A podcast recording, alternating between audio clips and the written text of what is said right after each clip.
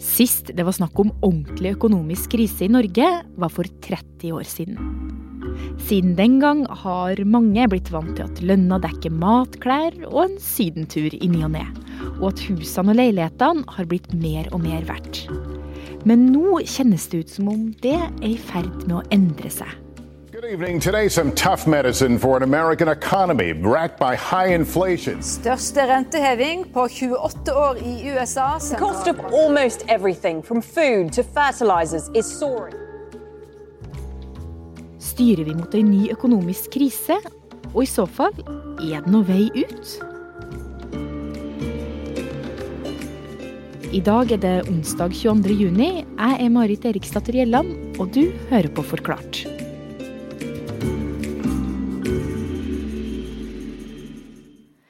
1980-tallet var tida for permanent, skulderputer og sterke farger. Og i Norge tida for å låne penger. Bedrifter hadde lån, og folk tok opp store boliglån. Og fikk heftig mye gjeld. For til slutt så kollapsa det. Bankene hadde lånt ut mer enn de klarte å håndtere. Og med det steg renta opp til 20% Boligmarkedet kollapsa, og mange mista jobben og sleit med å betale gjelda si. Norge havna rett og slett i en økonomisk krise. Et ord som plutselig har dukka opp igjen. So, should we be ready for a global recession? Uh, is this getting out of control? And does the Fed have tools to get it back in control? Nå er det sånn at over hele verden så blir alt dyrere. Varer kommer ikke fram. Børsene stuper, og mange lurer på om vi er på vei inn i en ny global økonomisk krise. Rakel Haugen Strand, du er journalist her i Aftenposten. Og når er det denne nedturen vi ser nå, begynner? Mm, verdensøkonomien er veldig kompleks, og det er mange faktorer som har gjort at vi har havna i flere kriser samtidig. Men vi kan starte med koronapandemien, egentlig.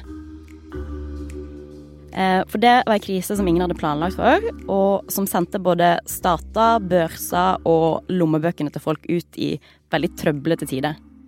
Ja, for hva skjedde med økonomien da koronaen kom? Idet koronaviruset sprer seg, så stenger egentlig verdensøkonomien ned i, altså nesten på dagen. Eh, det blir lockdown, og alt stopper opp. Det blir mangel på en rekke varer, som for eksempel databrikker og aluminium. Og løsninga for veldig mange land blir å rulle ut enorme krisepakker. Og statene pøser da ut masse penger i økonomien, og både det og effektene av nedstenging får store konsekvenser i ettertid. For selv om livene våre stort sett er tilbake til det det var før pandemien, så førte lille piggete viruset og en god del uflaks til tre kriser samtidig.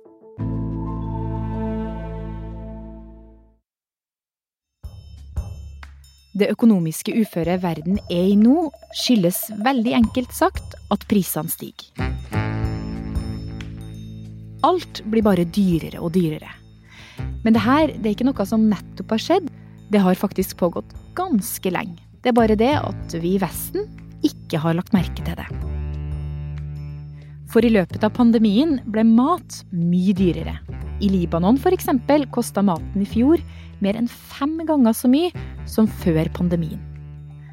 Orakel, hvorfor ble mat så mye dyrere i løpet av pandemien?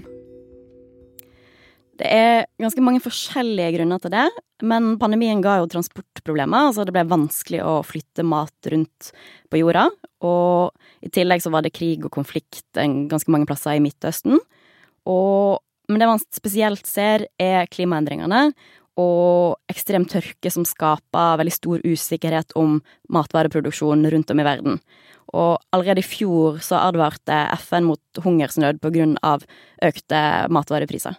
So you have cereals, oils, dairy, meat, and sugar. They're all tracking higher, according to the UN's Food and Agriculture Organization. The food security crisis is mounting across the continent, posing a threat to Africa's economy. Men det her hørte vi ikke så veldig mye om her i Norge. Altså her var vi kanskje mer opptatt av å dytte penger, millioner av kroner, inn i økonomien for å redde bedrifter og hjelpe kulturlivet. Hjalp det, da? Mm, det hjalp husholdninger og bedrifter som fikk pengestøtte, og bedriftene fikk gjerne pengestøtte til å holde på ansatte. Eh, men det bidro òg til å presse prisene oppover, fordi folk kjøpte mer og mer varer istedenfor Fordi de ikke kunne gå på restaurant og kafé, eksempel. Så vi brukte rett og slett eh, alle pengene våre på nettshopping? Ja. Så med det øker også prisene på andre varer. Men det stopper ikke her. For snart melder også ei anna krise seg. Rekordhøye strømpriser blir enda høyere i morgen. Nå lover Natgas has nearly doubled. It's up 96%, approaching the $5 mark, the highest level. That's having a knock on effect on energy bills. And the situation could be set to get worse as colder temperatures. Electric Ireland announced its second price increase in as many months yesterday. Høsten 2021 så hadde Europa veldig masse uflaks på samme tid, egentlig. Eh, Russland begynte å selge mindre gass, og i Europa så bruker veldig mange gass til eh, både å lage mat og til å varme opp husene sine. Så gassprisene begynte å gå litt oppover. Um, men ikke bare det. Det henger òg sammen med det grønne skiftet. For Europa vil kvitte seg med kull og annen skitten energi. Um, men masse grønn energi er òg avhengig av været. Og vi fikk både en høst og en vinter med masse kaldt vær, lite snø, regn og veldig lite vind. Så det førte til at prisene på grønn energi som vindkraft og sol og eh, vann eh, begynner å skyte i været. Ja, og hva ble konsekvensene av det, da? Vel, alt man, eller nesten alt man lager, trenger energi. For eksempel fabrikkene som syr klær i Kina, eller fisk som blir skippa fra Norge til Tokyo. Alt trenger energi. Og da blir nesten alle varer dyrere, særlig mat. Så da begynner prisene virkelig å gå opp? Mm. Så i januar i år ser det egentlig ganske ille ut. I Norge hører vi mest om energiprisene. Det har i dag vært demonstrasjoner i tolv norske byer. Idet prisene sank i Europa, skyndte vannkraftprodusentene seg i Norge til å skru av turbinene, så vi ble sittende igjen med en skyhøy strømpris. I andre land er det prisene på mat som skaper overskrifter. Food and energy prices are at historic highs around the globe, and inflation is expected to rise in the coming months. Men snart skal en annen nyhet ta all plass. Krigen i Ukraina. Russland har invadert Ukraina, kamper flere steder i landet. The country's president, Volodymyr Zelensky, has urged the army to stand firm in the face of the assault. Russland og Ukraina står til sammen for nesten 30% av verdens kornproduksjon. Og i tillegg så er Russland en veldig stor energi- og kunstgjødselprodusent. Så med krigen så stansa nesten all eksport av korn, matolje og energi fra de to landene. Og blant annet fordi Ukraina sine kornlager er innesperra. Og det har bidratt til å øke prisene på olje, gass, mat og metaller enda mer og alt var ganske dyrt fra før. Så med det så har vi altså havna der vi er i dag, med en prisvekst som man knapt har sett maken til på 40 år. Men hva er problemene med at prisene øker så mye, da? Folk blir forbanna når prisene går opp, og folk blir redde for framtida si. Så vi har sett mange demonstrasjoner en rekke steder i verden, eksempel i Hellas, Iran, Storbritannia og på Sri Lanka. Så økte priser over tid skaper hodebry for både sentralbanker og stater rundt omkring. Samtidig så er det jo også noen som tjener på at eh, varer og strøm blir dyrere. Altså, her i Norge så selger vi jo både olje, gass og vannkraft. Så er det her egentlig noe problem for oss, da? Jo, vi merker jo òg krisene her i Norge. Ehm, for folk flest får mindre å rutte med når prisene på mat og strøm stiger. Eh, for det er de to tingene som folk bruker mest på, og det er vanskelig å justere opp eller ned forbruket vårt på det. Ehm, så mange vil òg kunne slite med å betjene lånene sine etter hvert, og kanskje må du la bilen stå fordi bensinen blir for dyr. Ehm, og det går aller hardest utover de fattige, for de bruker nemlig en høyere andel av inntekter på dagligvare, strøm og klær. Så hva kan egentlig gjøres da for å få ned prisveksten? Man håpte jo at prisene skulle slutte å vokse så masse etter hvert, og at problemet var forbigående, men det har det jo ikke vært. Så nå ser flere land til sentralbankene sine for at de skal dra i nødbremsen.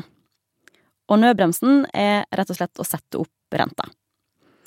For målet er da å tvinge ned suget etter varer, tjenester og arbeidsfolk. Og man håper at bedriftene da skal måtte sette ned prisene og lønningene. Hm. Hvordan da? Det blir da dyrere å låne penger, og det kan bli mindre fristende for bedriftene å investere i ting. Og for forbrukerne sin del så får man mindre å rutte med og dyrere lån. Um, og det igjen kan føre til svakere økonomisk vekst, mulig lavere boligpriser og økt arbeidsledighet. Men selv om det er det verktøyet verdens sentralbanker har, så veit vi faktisk ikke om det fungerer så bra. Og hvorfor ikke? Vel, ekspertene som jeg har prata med, sier at det er vanskelig å vite hvor masse økte renter faktisk hjelper med å redusere prisene. Det kan hjelpe litt, men samtidig så gambler man med folks økonomi. Og i morgen så skal sentralbanksjefen fortelle hva Norges Bank gjør. Og alle venter at styringsrenta i Norge skal opp. Og kanskje også en del mer enn det vi er vant til.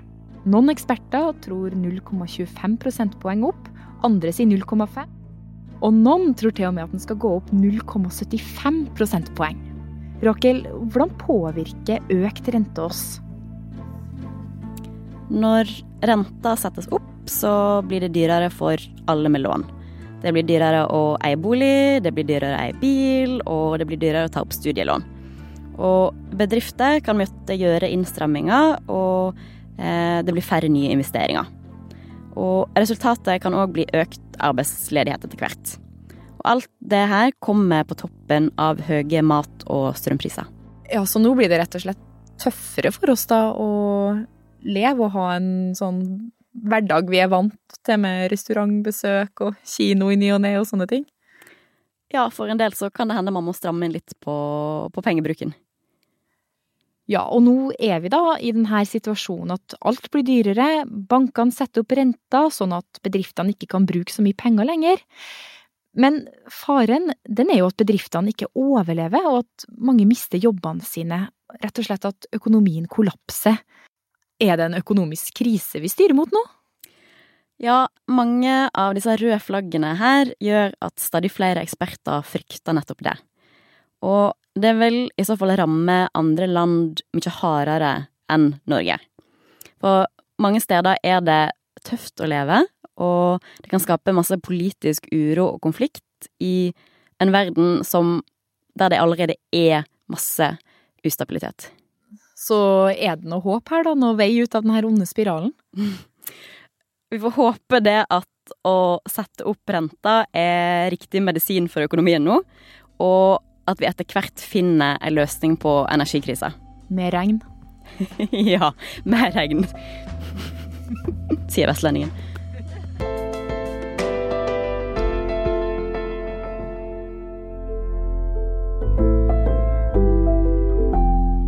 Det var Rakel Haugen Strand som forklarte den perfekte stormen av økonomiske kriser. Sigurd Bjørnestad har bidratt med research. Episoden var laga av Anne Lindholm og meg, Marit Eriksdatter Gjelland. Resten av Forklart er Fride Næss Nonstad, Synne Søhol, David Vekoni, Jenny Føland og Anders Weberg. Lyden var fra Al Jazeera, nyhetsbyrået AP, NRK, NBC, BBC, Fox News, RTE, France 24 og CNBC.